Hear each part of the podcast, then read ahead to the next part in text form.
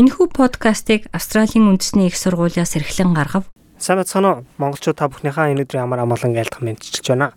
7 өнөг бүр та бүхэндээ хүргэдэг Австрали улсад оршин суух хөтж байгаа энэ удаагийнхаа сэдвэр сайн өрхийн эмчийг яаж олох талаар та бүхэнд мэдээлэл хүргэхээр бэлдсэн байна. Сайн өрхийн эмчтэй байна гэдэг танд олон ашигтай. Тэгвэл таны гарал болон ялгаатай талыг ойлгодог, мэрэгжлийн санаа тавьдаг өрхийн эмчийг хэрхэн олох вэ? Австрали улсад өрхийн эмчийг олох хайрцангуй хялбар байдаг. Ялангуяа та томоохон хотуудад амьдардаг бол маш амархан. Интернетээр ороод энгийн хайлт хийхэд л таны амьдардаг хэсгийн өрхийн эмч нарын мэдээлэл гарч ирэх болно. Харин яг өөртөө тохирсон өрхийн эмчийг олох нь танаас арай өндөр хэмжээний хүч чармайлт шаардах болдог. Доктор Тони Бартон бол Австралийн эрүүл мэндийн холбооны ерөнхийлөгч бөгөөд өөрийнхөө таньдаг элэг нэгт хүмүүсээс анхны зөвлөгөө авахыг санал болгосон юм. If you're living close to relatives or living close to friends, you know, or people that you know who've also migrated from, you know, uh, a close part of the world that you're from, starting with their recommendation is very, very important because Хэрэв та ойр дотны найз нөхөд эсвэл хамаатан садантайгаа амьдрахаар ирсэн бол тэдний зөвлөгөөг авах нь маш чухал. Тэрний зөвлөгөө болон туршлага таны эхлэх газар болон мэдээллүүдийг танд хүргэнэ. Олж мэдсэн өрхийн эмчийнхаа талаар ойр орчмын хөрш болон таньдаг хүмүүсээс бас асууад үзээрэй. There's stuff that you never pick up from the brochure until you become part of the fabric. The girls are very friendly, the girls are helpful. There's a nurse there on Mondays and Wednesdays and Fridays.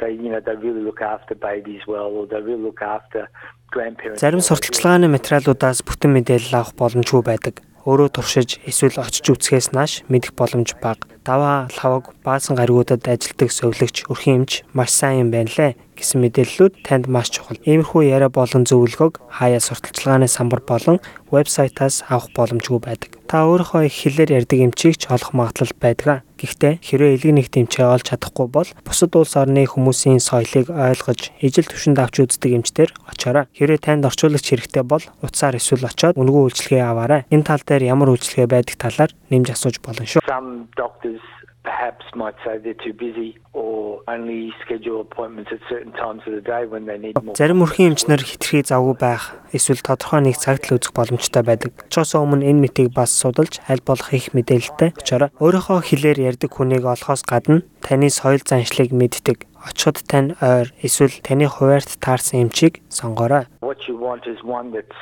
been part of the community for a long time, is a part of the community, is closely established with other support services close by.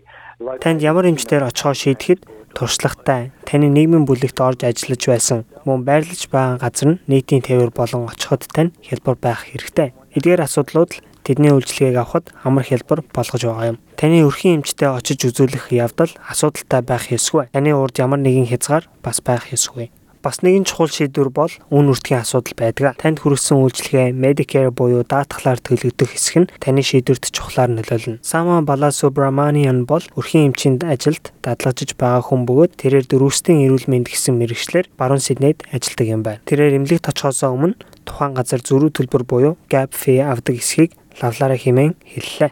If there is a gap, the important thing to ask is how much the gap is or how much is out of pocket how are future consultations noted? And we know that for some clinics may charge a gap for the first couple of consults. They may not do it for children, they may not do it for over 65. Хэрэг зөрүү төлбөр байгаа бол хичнээн хэмжээтэй болохыг асууж лавлах хэрэгтэй таны халааснаас хідэн гарч хідэн даатгалаас гарахыг нарийн лавл мөн дараа дараагийн үзлэг ямар байдлаар явахыг асуугаарай. Яг тэгвэл бид зарим эмнэлгүүд эхний 1 2 үдлэгтээ зөрүү мөнгө авдгийг мэднэ. Хүүхдүүдээс авахгүй байж магад зарим нөхцөл байдлуудад энэхүү зөрүү нэмэлт төлбөрийг төлөх шаардлагагүй байдаг. Үүнийг эмчтэйгээ шууд ярих хэрэгтэй. Хэрвээ таны төсөв хязгаартай бол bulk bill clinic буюу зөрүү төлбөр авдаггүй эмнэлгүүд хамгийн зөв сонголт тань болж магадгүй.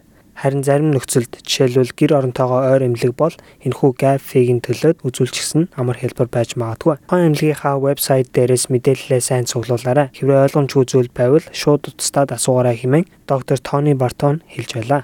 Do you treat children? Do you do home visits? Um, what if I can't get in here at certain hours? How long is your lead time for appointments? You know, what if it's an emergency? Um, is there a nurse?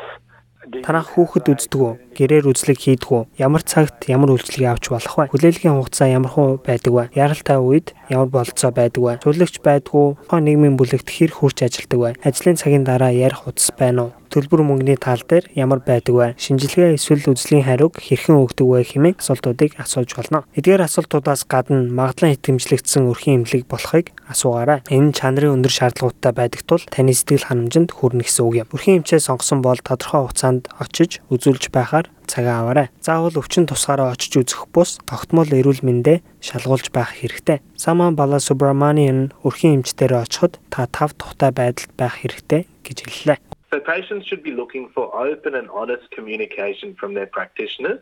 They should have someone that's actively listening to them, feels like their concerns are being heard Өвчтөнгүүд өрхийн эмчтэйгээ элен далангуу мэдээлэлээ хуваалцах хэрэгтэй. Ингийн тулд таны хэлсэн хэлэх гэж байгаа зүйлсийг тухайн эмч сайн сонсож таны хүсэл сонирхол болон асуудалд нийцсэн арга хэмжээг танд зөвлөх шаардлагатай байдаг. Хэрвээ тухайн өрхийн эмч тань таныг сайн сонсохгүй эсвэл танд таалагдахгүй байгаа бол өөр эмчтэр очихоос битгий эмээгээрэй. The first and most important thing is for patients to understand that it's not abnormal to actually have a general practitioner for a few months and then move on particularly in the early stages. Хамгийн чухал зүйл бол өвчтөнгүүд хэдэн сар нэг өрхийн эмчтэр очиж байгаад өөр эмчтэр очих сонголтоо гаргах нь энгийн зүйл гэдгийг ойлгох юм. Хамгийн ихний үзлэгээрээ хамгийн тохирсон эмчээ олох тийм амархан биш ээ. Харин өөртөө тохирсон эмчээ олсон бол тэдэнтэйгээ үргэлж байх нь таны эрүүл мэндэд маш чухал нөлөөтэй хэмээн доктор Бартон хэллээ. Finding the right doctor is a very personal decision. Don't be afraid if you make them, you know, if you have to try and try again. But when you make a relationship Өөртөө тохирсон эмчийг олох нь таны амин хувийн хэрэг юм а. Сонголтоо өөрчилж дахин дахин туршиж үзэхээс битгий санаа зовоорой. Харин өөртөө тохирсон эмчээ олсон бол чадах хэмжээгээрээ тухайн хүнтэй харилцаа үүсгэж үргэлж тэр хүн дээр очихыг бодоорой. Энэ бол таны эрүүл мэндэд гаргах бас нэгэн чухал шийдвэр юм а. За дараагийнхаа сэдвээр та бүхэнтэйгээ тун удахгүй уулзцгаая. Тэр болтол та бүхэнд амжилт хүсье.